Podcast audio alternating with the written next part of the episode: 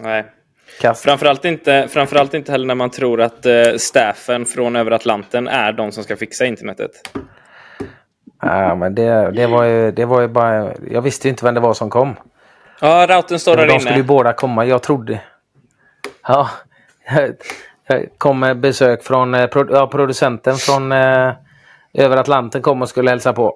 Men samma, samma dag skulle det komma wifi-gubbe fixa. Okay. Jag hade glömt av det här med över Atlanten. Så när han kom in så hade jag skrivit en lista. Du, jag, eh, jag måste fixa lite grann här men jag har skrivit en lista och routern är där uppe. Det här bara, han bara, vet du vem jag är? Ja, du är IT-tekniker. Jag bara, varför skit i det? Du, nej, jag är från, eh, från TV. Åh oh, fan, ja just det.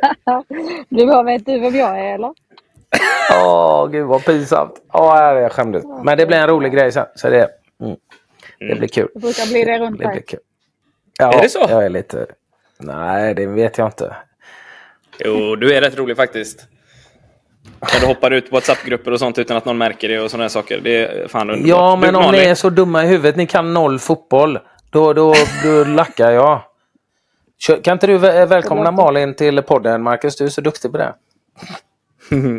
jo, vi kommer ju komma in lite på din egna karriär också Malin. Eh, som jag tycker är ganska intressant med tanke på att du har haft några titlar. Eller så. Eh, spelare, spelande tränare, assisterande tränare, tränare och nu agent va? Ja. Typ. Jag har försökt läsa mig till så mycket som det bara går, men du får gärna ta oss igenom det lite sen. Eh, valen du har gjort och varför och lite sådana saker. Det tycker vi alltid är mm. spännande. Men eh, det gör vi under avsnittets gång och eh, innan vi drar igång så ska vi hälsa Malin Levenstad varmt välkommen till Skillspodden.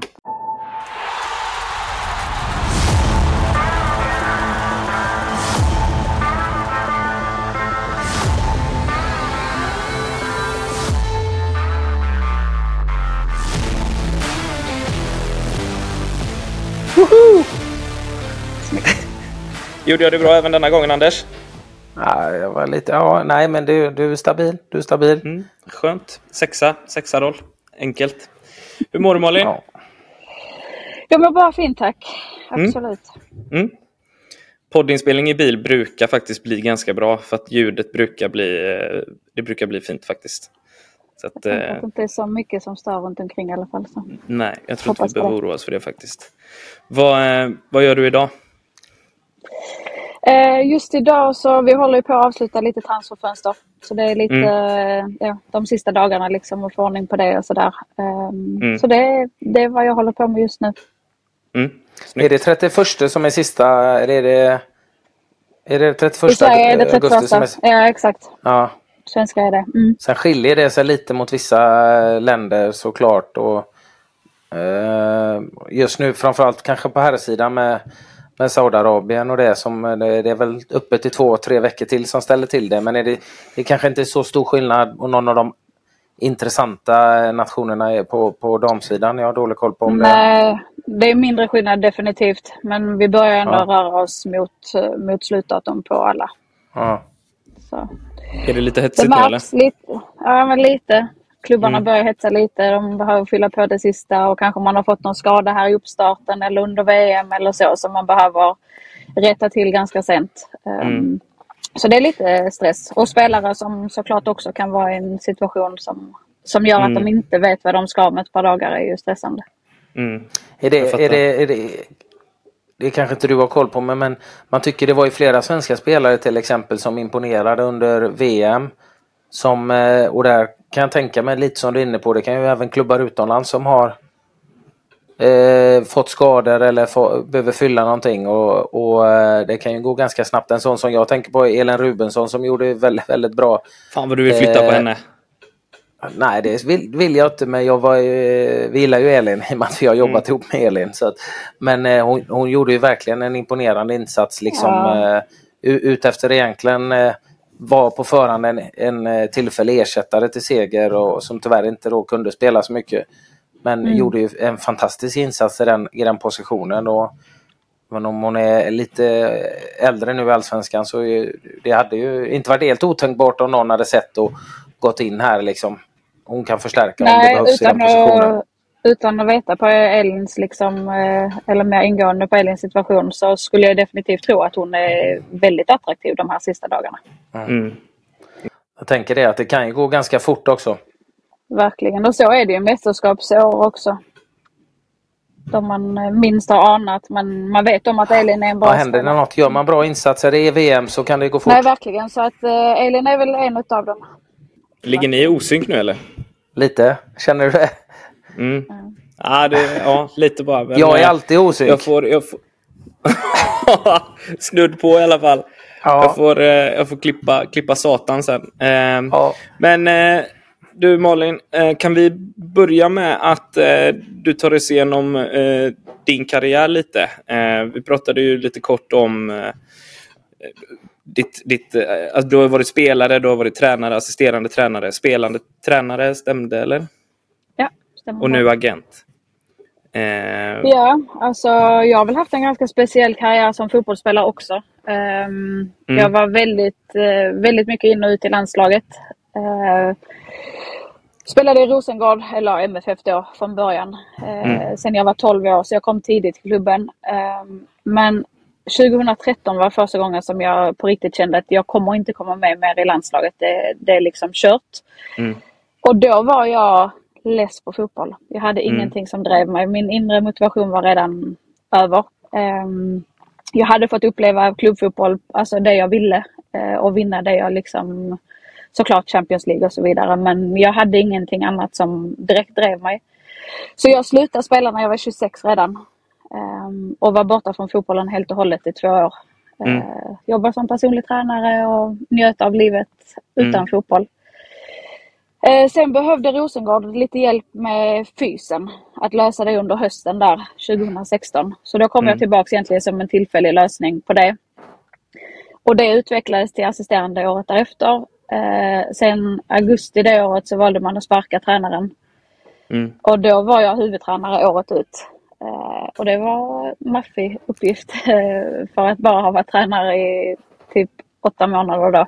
mm, Eh, så det blev, ja men det var stort men eh, det blev för mycket. Så året därpå så tog jag steget tillbaka igen som assisterande till Jonas Edevall då. Ehm, och sen så, ja men jag var med och körde någon passningsövning, lite kvadd, eh, alltså saker som var kul sådär. Men det, det ena ledde till det andra och sen så börjar man räkna med att inte ta upp någon yngre spelare kanske utan jag var med och, och spelade 11 mot 11 och ja men det blev att man räknade in mig i träningen mer och mer. mm. Så det ledde till ett, eh, till ett spelarkontrakt där på sommaren. ehm. Istället. Mm. Och eh, du skrev bara ett halvår för att vi visste ju inte. Jag hade varit borta från fotbollen i fyra och ett halvt år då. Verkligen helt och hållet. Spelat eh, typ kroppen men ingenting annat. Ehm, men ehm, då skrev jag ett spelande, eller spelande tränarkontrakt då. Eh, drog hälsenan, var borta på hösten. Mm. Och sen så hade jag två år som var fantastiska, eh, lärorika, jättesvåra på alla sätt och vis med att vara assisterande och spelare samtidigt för Rosengård då. Det. Så det var 2019-2020. Mm. Och då har jag ju gått lite tränarutbildningar då vid sidan om, eh, bland annat med Anders ju. Mm. CBA Hur var det då? och sen Jobbigt? och Anders eller? Ja, ja, Nej, det är spännande varje dag att hänga med honom. ja, ja fattar. Nej, det var grymt. Det här CBA, det är ju bara före detta spelare. Jag tror du har behövt spela sju år på elitnivå eller sånt. Så det var ju att kliva rakt in i ett omklädningsrum igen liksom Mm. och bara hänga och ha skitkul tillsammans. Mm. Så det var kul. Och Mm. eh, sen gick jag vidare och gjorde Pro License då, var klar förra året i november. Just det. Så Snyggt. det är väl lite kortfattat. Eller Ja. jag hade ett år i, i, i Linköping också ska jag säga. Eh, Mm, just 2021 det. var jag i Linköping med André Mm. som assisterande. Just det. Fick du, en, Eh. fick du en ny bild av tränarskapet när du gick från spelare till tränare eller? Ja, jättemycket. Mm. Det Mm. måste jag säga. Det blir ju nördigt på ett annat sätt och man är bortskämd som spelare. Alltså det går inte att komma ifrån. Alla de mötena och matchgenomgångar och analyser som du kliver in på och bara sätter dig liksom och tar del av någonting. Mm. Alltså det är ju hur många timmar som helst Ja. bakom eh, såklart. Mm. Så det, det blev stor skillnad men ehm, jag gillar ändå att ha närheten till spelaren. Att det var så snabbt efter min avslutade liksom fotbollskarriär som spelare. Mm. Att kliva in och ändå få en känsla för ett lag och bygga det och sätta upp målsättningar. Och man blir ju nära spelarna på ett sätt som, som man kanske inte riktigt blir om man inte har spelat. Liksom, för att du, men, du vet vad de behöver, du vet i vilka perioder man, eh, man behöver någon som står och skriker på en jämfört med när man inte behöver det och så vidare. Mm. Um, så det var en spännande lärdom att komma till en helt annan typ av klubb skulle jag säga att Linköping är från Rosengård också. Mm. Det var nyttigt för mig. Mm. Det, Just det. var det... Eh, jag tänker... Som du säger, det är en otrolig fördel av att ha spelat själv. Därmed inte sagt att man är duktig spelare, att man blir en bra tränare. Men du har ju ändå spelat på nivån, du vet vad som krävs och så vidare. Men för dig som gick direkt in, det, du blev ju tränare för spelare du har spelat med. Hur var det? Tyckte du?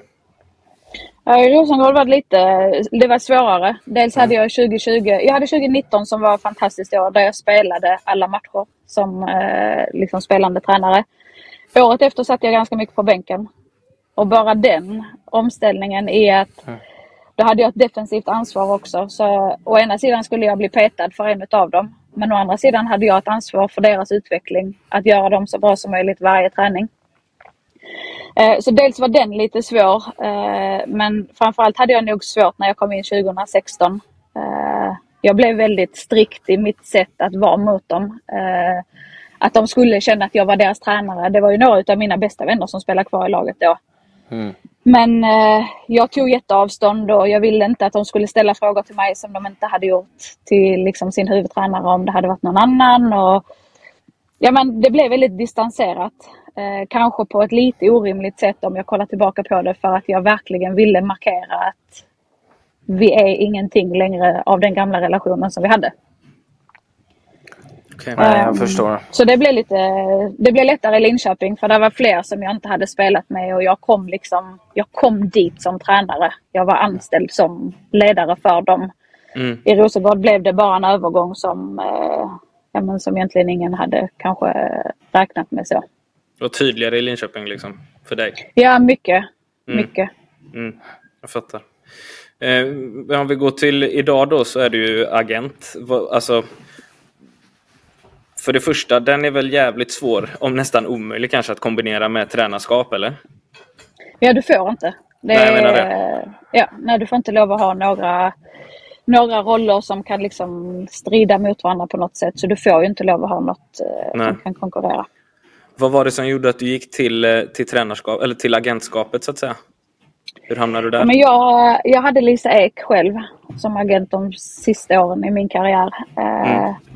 Och det var egentligen när jag började bolla med henne vad jag tyckte var kul eh, i tränarskapet och, och vad jag tyckte att jag var bra på och vad jag tyckte att jag var sämre på. Och, ja, men, jag gillar ledarskapet. Mm, Eh, jag kan nörda in mig på det liksom, och på spelaren och på individen hur mycket som helst. mm, Men jag kan inte lägga lika många timmar på att nörda in mig på eh, taktik. Eller, alltså jag, jag är mer lagd åt den, liksom, människan, åt det hållet. mm, Eh, så när jag pratade med Lisa och, och nämnde liksom att jag, jag vet inte vad jag ska. Jag hade bestämt mig för att lämna Linköping. Skulle jag hoppa på något nytt igen? Eller ja, vad ska man göra? Ska jag bli huvudtränare? Ska jag bli assisterande igen? Eller ska jag satsa på fys? Det var bara det var fotboll i mitt huvud och tränare 100 procent. mm, Men när hon då öppnar upp och säger men det låter som att du liksom tycker att det är människan som är kul. Varför skulle du inte vilja testa att vara agent? mm. Eh, och jag hade aldrig funderat på det tidigare. Men då blev det som att man bara, jo, absolut. Alltså jag jobbar bara med ledarskap hela tiden. Eh, jag följer spelaren i upp och nedgångar. Eh, jag kan använda min erfarenhet liksom från både spelare och tränare till att följa dem genom karriären. Eh, Vara med på livsavgörande val liksom i karriärsval. Hur man, vilken klubb ska man gå till? När ska man gå? Timing och så vidare. Ehm, så jag landar nog bara in i att jag får jobba exakt med det jag tycker är spännande hela, hela tiden. Fattar. Så det finns, Det även om ja, Lisa kanske, Lisa kanske Mm. lyssnar, men det finns ingenting i det som gör att du kanske vill komma tillbaka till själva tränarskapet sen då, eller? Ja, men jag var så ny också. Eh, så att det tror jag absolut att jag skulle kunna göra. Eh, Alltså det, det stänger absolut inga dörrar för i framtiden. Eh, nu passar det väldigt bra med familjesituation och, och liksom var damfotbollen är på väg. Eh, mm. Vad som händer i Europa eh, och mm. hur många hur mycket möjligheter det finns för spelare att ta spännande val just nu. Mm. Ehm, men definitivt att jag skulle kunna se mig på en fotbollsplan igen. Det, det behöver bara passa med mycket annat. Ja. Jaha. Snygg men segway. Är... Eh, ändå. Anders, varsågod. Du får börja då. Även om det var en brutalt Tack. snygg nej, segway jag... över till damfotbollen. Ja, nej, men jag, jag tyckte också det. Liksom, vart är, är framförallt eh, damfotbollen på väg? Eh, var, var, yes. eh, var är vi i Sverige just nu? Vart är vi på väg att, är vi på väg att halka efter som vi gjort på här sidan Eller vad tror du eh, vi i Sverige behöver göra, svenska klubbar och svenska spelare? Vad bra Anders.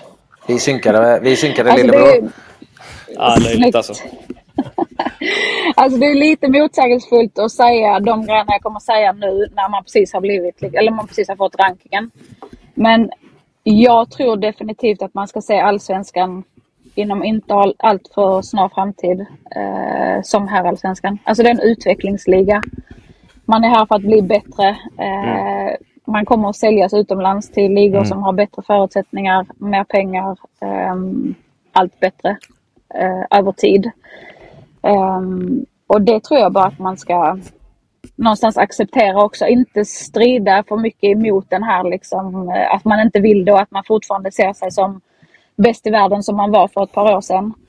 Eh, utan någonstans hänga med liksom och gilla läget och, och faktiskt satsa på de här unga spelarna som kommer bli väldigt bra och det kommer också bli bra för svensk fotboll med landslagen givetvis. Mm. Om man vågar satsa där istället för som det har varit innan där man har satsat utländska spelare, eh, tagit in stora stjärnor så tror jag verkligen att man ska tänka om och eh, ja, men gå en annan väg helt enkelt.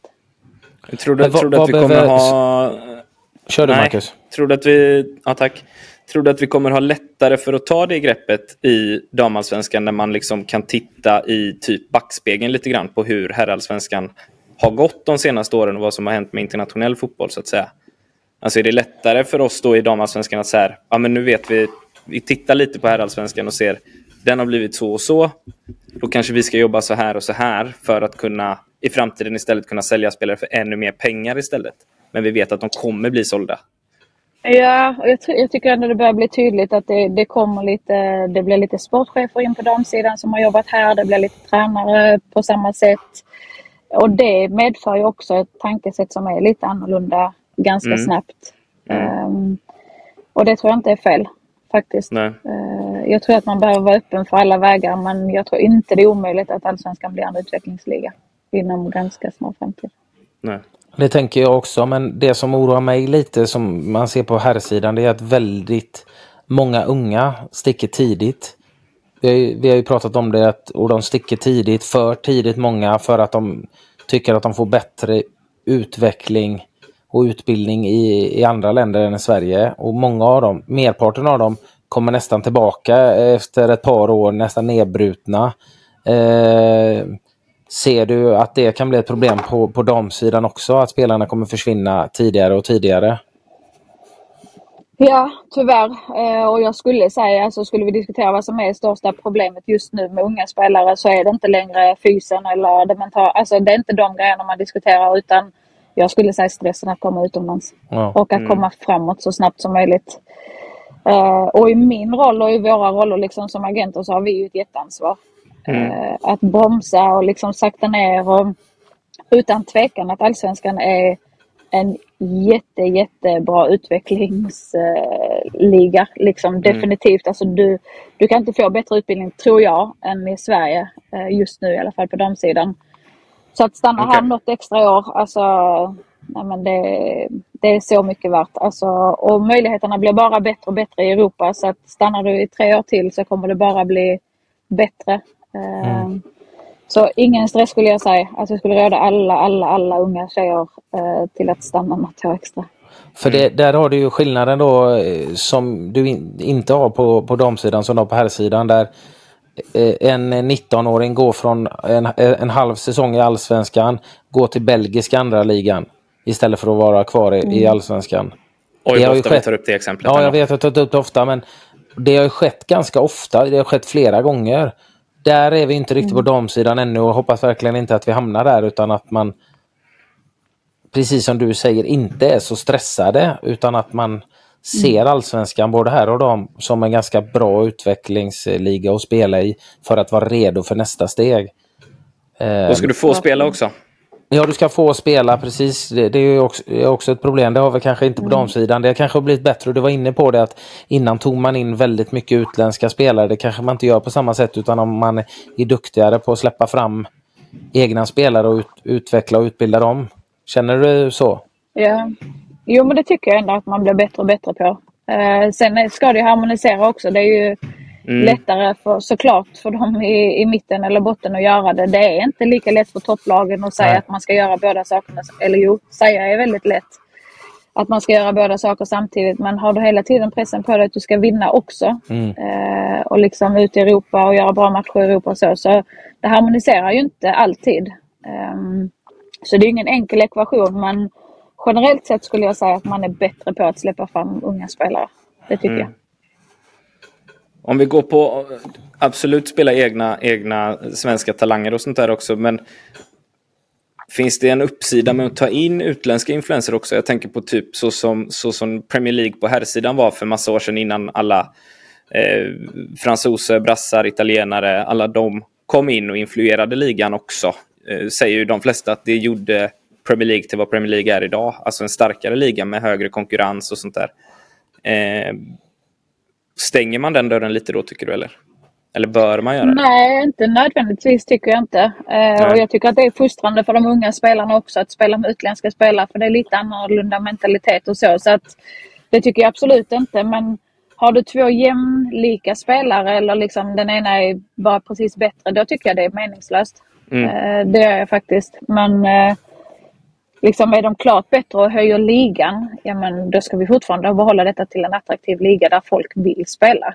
Mm. Eh, Så det tror jag fortfarande är viktigt, absolut. Men inte de här alltså tredje, fjärde rankade spelarna liksom när man känner att de är inte jättemycket bättre än den 19-20-åringen.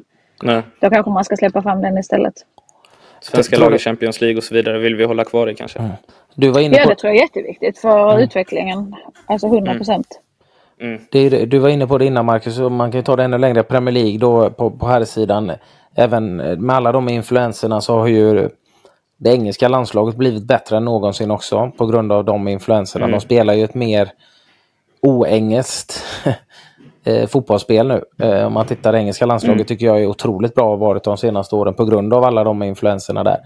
Men för att gå tillbaka till damallsvenskan, det finns ju till exempel, nu har jag tappat hennes namn såklart, eh, japanskan i Hammarby som, som är, vad är det, tillhör Chelsea va? Mycket. Och Mike, eh, nej, men just det att man ser, för det, det finns, har ju funnits ganska tydligt på, på här sidan att man köper eh, eh, köper stora talanger och sen så lånar man ut dem till en liga som är ett bra utvecklingssteg. Att Sverige ses det inte bara för, eh, för svenska unga talanger, även andra. Där man gör klart tidigt och sen så, ja, men du är inte redo där än. Ett, ett eller två år i allsvenskan i, i Sverige. Där är, det känns som, eh, där är vi inte på här sidan att, man, att Chelsea skulle låna ut en ung spelare till allsvenskan. Men där känns som man, där är, där är, där är man lite i Sverige på dams, eh, damallsvenskan. Stämmer inte det? Absolut, och det är ju de spelarna som faktiskt har höjt. Alltså nu som du nämner, nämner Hammarby spelar här men också Isländskan som spelar i Kristianstad Ja. eh, för två säsonger sedan. Va? Som höjde ligan ofantligt mycket och kom med andra egenskaper och så vidare. Men passade fortfarande in i mallen för det här utvecklingsmässiga Ja. och åldersstruktursmässiga och sådär. Så att det tror jag är jättebra. Eh, Jag tror inte vi ska låsa oss på något sätt att det bara ska vara svenska spelare eller så utan alltså de som kan göra svensk fotboll bättre helt enkelt Ja. eh, på lång sikt. Och där, tycker, där ser vi eh, svart på vitt också att eh, svensk damfotboll har inte mått dåligt av det här det senaste utan landslaget spelar ju väldigt, väldigt bra fotboll fortfarande och tillhör de absolut bästa. Världen de har, har hängt med tycker jag i den moderna fotbollen på ett helt annat sätt än herrlandslaget. Eh, som har gått lite hårt att spela lite mer som de alltid har gjort och ganska primitivt. Eh, Medan mm. damlandslaget tycker jag, eh, ska inte säga att de är bäst i världen, men de har ändå ett eget spel och kan föra matcher mot de flesta, flesta eh, landslagen. Eh, det, det, tycker jag är imponerande och roligt Verkligen. för svensk fotboll. Mm, att man ändå... kan stå fast vid sin egen spelidé. Liksom att man inte mm. alltid behöver förändra för att man möter någon annan. Liksom. Nej. Jag, kunde väl, jag, jag, kan väl sticka ut hakan och säga att jag hade velat se lite högre träffsäkerhet i passningsspelet i de flesta matcherna i och för sig. I alla fall kortpassningsspelet. Men, men eh, det kanske var enstaka prestationer bara. Ja, fast ja, jag, jag tycker match... Men det är ju rent kvalitetsmässigt. Alltså mm, mer mm. tycker jag. Alltså rent strukturellt och sådär tycker jag det är bra att man, man har sin egen spelidé. Man kör på det. Det spelar ingen roll riktigt vem man möter utan eh, du är ganska trygg i det du står för.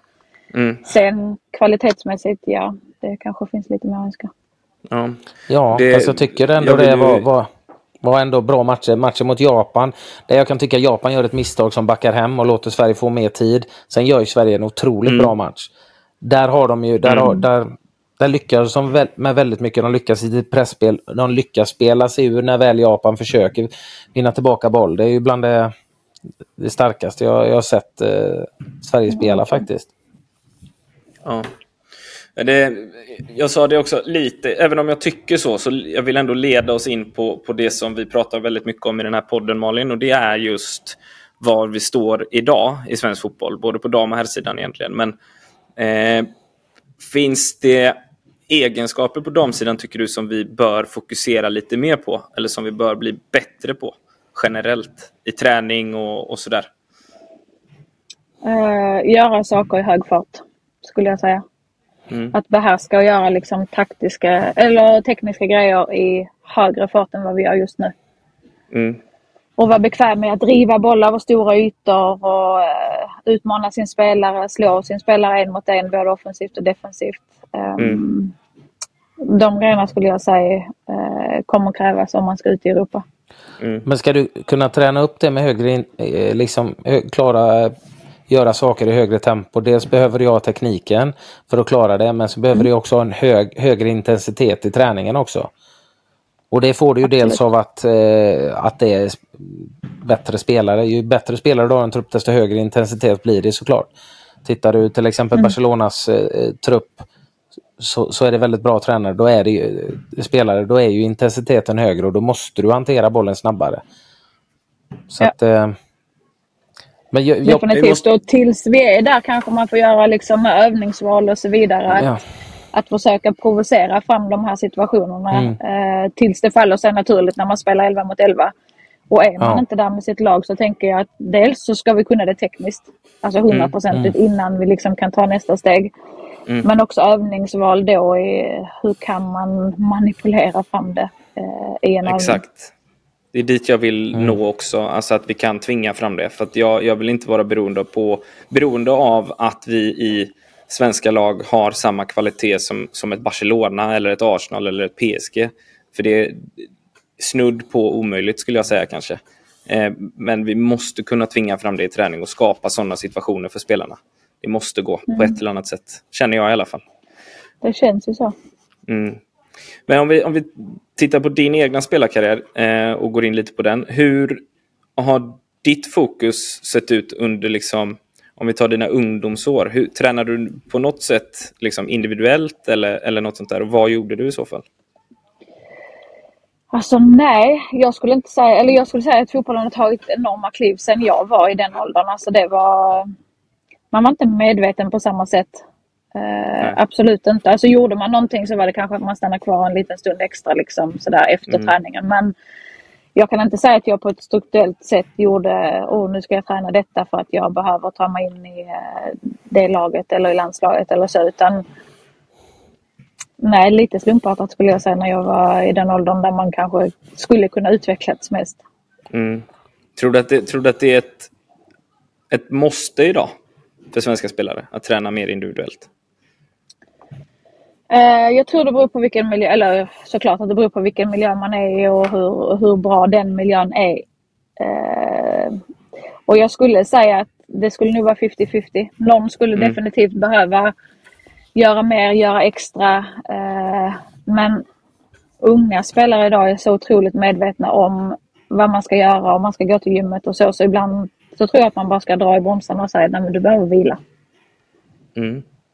Okay. Äh, återhämtningen liksom, den prioriteras aldrig för att du har, du har dina pass i skolan, du har många pass på kvällen och sen utöver det så ska du ut och träna lite extra. Sen är det livet i övrigt som ska hinnas med också. Alltså det är inte mm. okomplicerat att vara eh, tonåring och, och bra på fotboll idag skulle jag säga. Så, eh, ibland tror jag bara att man kan säga att man kan vila ibland också. Mm. Ser du Anders, du har ju velat ersätta ordinarie lagträningar med något individuellt pass här och där för att du tror att det hjälper de flesta. Det ja. kan jag skriva under på också. Ja, nej, men alltså, vi pratar ju mycket om det här med belastning. Jag, jag är lite trött på att eh, många säger att vi tränar för mycket. Eh, det tycker inte jag vi gör, men framförallt handlar det om att träna rätt och med rätt kvalitet. Som Malin säger så är det otroligt viktigt med vilan också. Jag tror många, många, un många unga som kanske inte har den erfarenheten, de kör som det inte finns någon morgondag nästan. De, de, gör, de, eh, de kanske nödvändigtvis inte behöver träna mer, men kanske med mer, mer rätt ibland, liksom, att man tränar.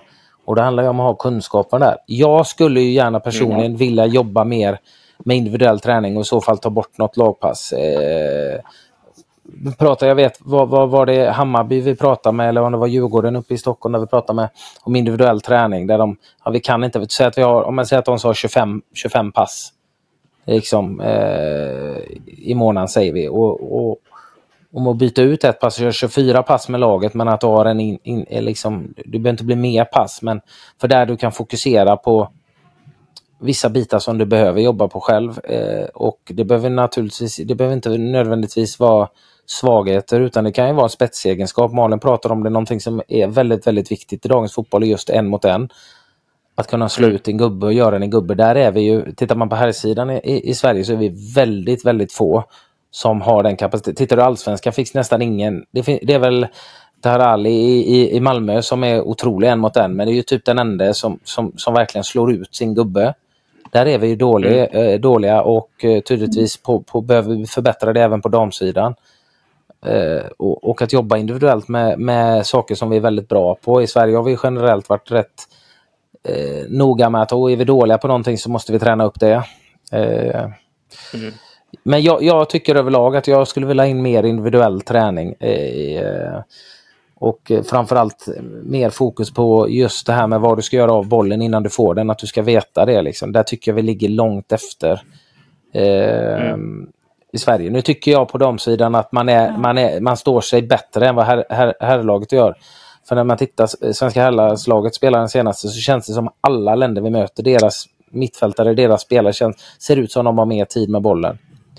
Och jag tror mm. inte att eh, vi, vi jobbar tillräckligt med det i Sverige. I alla fall inte på herrsidan, för det, det syns inte. På damsidan tycker jag, där vi har ett eget spel och kan, eh, kan spela, där ligger vi lite längre fram. Men jag tror vi behöver träna ännu mer på det där också. Ja, och framförallt som du säger, vara smart med de passen man har. Alltså, jag, jag tror inte vi kan lägga till så många pass till. Men att byta ut eller göra om, ja. eh, det är ju inga konstigheter. Och för att knyta det tillbaks till, till när jag var i den åldern, alltså man hade ju mycket mer nötande träning. Alltså man mm. stod ju nötte och nötte och nötte och gjorde samma sak liksom hur mycket som helst. Bra eller mm. dåligt, mm. det kan man väl diskutera men det ger ju någonting ändå. Mm. Mm. Ja men det gör det. det, gör det. Sen, men som du säger, jag är ju oerhört mycket äldre än dig Malin också så det är väldigt länge sedan jag spelade men, men det var det verkligen så i Sverige och jag vet att det har förändrats men inte förändrats tillräckligt mycket tycker jag. Det är fortfarande det här att alla ska göra samma sak. Liksom. Och vi, vi, vi bygger... och detta är, nu är vi inne på en tränarfråga tycker jag. Ja, eh, jo, som är väl så det intressant. Men den blir också att har så... Jag vet inte, jag brukar kalla det skolbokstränare. Men alltså du är så noga med att det ska vara rätt och du ska liksom, och du har läst på Verheyen och du har läst detta och detta så att du ska liksom följa en viss mall. Istället mm. för att bara säga, men vad behöver individen? Mm. Mm. Vad kan vi göra för denna individen för att den ska ta steg? Exakt. Är det verkligen att följa mallen och det ska vara litet spel och det ska vara medel och det ska vara stort och det ska vara x antal minuter och man räknar på ytor och allt vad det är. Mm. Absolut, men ibland behöver du bara ta ut det ur liksom hela den kontexten och säga vad behöver denna spelare? Exakt. Mm. För väldigt, alla spelare är ju olika också. Hur de fungerar. Ja. Liksom, så att, eh, Exakt så. Men också hjälper man dem individuellt så hjälper man ju hela laget. För i slutändan får du en bättre fotbollsspelare med bättre kvalitet. Eller? Definitivt. Absolut. Tänker jag. Så är det. Ja. Hur, nu kanske det var lite svårare för dig när du var i Rosengård, men när du kom till Linköping, hur, hur alltså, var det lätt för dig att, att skapa den bild rent individuellt av varje spelare? Kunde du snabbt se vad, vad vissa spelare behövde extra eller slipa på sina spetsegenskaper och sådana saker? Ja men det tycker jag ändå. Alltså när du Mm. jobbar så nära dem och ser dem hela tiden liksom, så, så tycker jag det är en av de sakerna som är roliga och spännande att Mm. jobba med. Liksom. Eh, Men också som man kan lägga lite tid på. Och det kan ju vara i en lagdels eh, liksom, som man plockar Ja, ut Jag det. Mm. individuella grejer, absolut. Men eh, jo, det tycker jag ändå är... När man har så mycket tid med dem så, så skulle jag säga att det är relativt enkelt att identifiera. Vi, eh, det har jag tagit upp innan också, men det finns ju, jag har pratat med väldigt många spelare som, som inte får individuell feedback alls egentligen. Och då kan jag känna att det är fan ett, det är inte bara ett underbetyg, det är ett, ett katastrofalt misslyckande kan jag tycka om en 17, 18, 19-åring inte får individuell feedback. Dels vad man är bra på och sina spetsegenskaper och dels vad tränaren vill att man ska kanske jobba lite mer på. Om man, alltså det är klart att man har ett eget ansvar också som spelare, men någonstans måste ju tränaren ha ett jävla intresse i att, att den spelaren ska bli bättre. Tänker jag. Absolut, och det är där jag tror liksom resursmässigt att Ja. det kanske skiljer sig lite damer här också. att Det är inte alltid lätt att hinna med heller. Ska du göra det veckovis? Ska du göra det varje dag? Eller hur ofta behöver de liksom höra vad de är bra och dåliga på eller sådär. Mm. Eh, ibland kanske det räcker att man säger det på plan men en spelare vill väldigt gärna sitta i ett mötesrum och liksom höra allting. Eh, Jag skulle säga att det är svårt att hinna med eh, när, det är liksom, eh, när det ska in på så detaljerad nivå. Eh, sen absolut, alltså önskvärt 100% att man skulle räcka till till att göra det också men jag kan ändå Jo, se problematiken i vardagen liksom att det, fan, det hinns inte alltid med. Nej, det, kän, det känns ändå som att du på kort tid ändå hade lite fokus på det och tog det lite tid till att se individen ändå. Det var det jag menade. Att, Ja, alltså man försöker identifiera det men jag tror att jag jobbade mer i alla fall i kanske spelövningar. Att plocka en spelare, att nu ser jag detta mönstret i dig hela, hela tiden. Och ge den feedbacken. Eh, mer än att jag kanske satte mig i ett mötesrum efter och skulle beta av alla spelare och alla ska ha en kvart var eller sådär. Utan försökte jobba mer när det hände. Mm, mm. Jo, men det är väl då man ska rycka också, tänker jag. Kanske. Vad, eh, lite slutligen då, vi, vi pratade kort om det innan. Eh, vilka växlar drar vi av att Sverige är världsetta? Um, ska jag säga inte jättestora. Eh, det är Nej. fantastiskt, det är häftigt på alla sätt och vis men eh, Mm. det är fortfarande vardag som pågår liksom och vi behöver ta hand om vår, eh, våra ungdomar och vår utveckling liksom på längre sikt för att eh, detta verkligen ska slå, skulle jag säga. Är det, är det får ingen sån kortsiktig effekt eh, på eh, typ spelarförsäljningar? Svenska spelare höjs i värde efter insatsen att man kan ta mer pengar för svenska spelare eller eh, kan det få en sån effekt? Liksom? Förhoppningsvis blir det ju lite så. Eh, problemet, eller problemet ska jag inte säga, men många utav dessa spelarna är ju redan ute i Europa och spelar. Mm. Eh, och jag tror de europeiska lagen redan är ganska bra på att kolla. Alltså svenska spelare är attraktiva ute i Europa. Eh, Så jag tror redan att man har ganska bra koll på den svenska ligan sen innan. Ehm, så kanske, jag tror inte det men eventuellt. För det är det man tänker, svenska spelare som man står och knackar på dörren till landslaget yngre. De står ändå och knackar på dörren till världens bästa landslag. Då borde det ju vara eh, eftertraktat okej. Och ska man hugga de spelarna innan någon annan gör det så, så, så får man betala mer. Men det är väl... eh, Ja, det återstår att se om det, det blir en sån effekt. Men eh, det är ju onekligen roligt för svensk fotboll att uppmärksammas, att göra ett bra. VM och och rankas som etta. Liksom att man får, får cred för, för det fantastiska arbete som man har lagt ner. Verkligen. Och under väldigt lång tid. Alltså detta är ju ingenting som har kommit över en natt för svensk fotboll utan detta är ju liksom Nej. verkligen under många år som man har tagit små kliv hela tiden. Och det är också det vi har pratat om innan. Vi har ju även en del svenska tränare som varit tränare i, i, i damallsvenskan som har tagit kliv ut i Europa nu med, med, Eh, med senast här nu eh, Robert eh, Villahamn också i, i Spurs. Det är också roligt, inte bara svenska eh, spe, spelare utan även tränare som kommit att bli, bli förhoppningsvis etablerade ute i de största ligorna. Det är också väldigt roligt. Det är någonting som vi också saknar på, på herrsidan om vi ska vara ärliga. Så att, det är också roligt för svensk Mm. fotboll. Ja, det är jättekul. Och det tror jag Mm. utvecklingsmässigt kommer att vara jättebra. Alltså när de tar Mm. med sig de erfarenheterna hem. Absolut. Mm. Kan dela med sig. Så det, det tror jag är jätte, jättebra. Mycket bra hörni. Eh, programtiden börjar lida mot sitt slut och vi ska släppa dig till, till lilla familjen igen eh, Malin tror jag. Jag tror hon tycker detta är magiskt att få lite lugn och ro. Lugn och ro, sitta i bilen, bara andas lite om man har en ett... tyst bil. Silent noise, bara, white noise bara. Även när vi ligger på, Malin, lägger på, Malin kommer att sitta i bilen och låtsas prata fortfarande. Liksom, bara, jag, går, jag, går, jag går ingenstans. Ja, nej, jag skojar bara.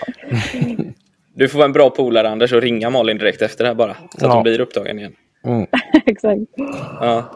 Nej, men Malin, stort tack för att du ville vara med och snacka lite med oss. Sjukt intressant. Tack själv. Eh, hoppas det går fortsatt bra i, i agentskapet. Och så får vi se om vi ser dig i någon tränarroll framöver helt enkelt. Super, tack så mycket. Underbart.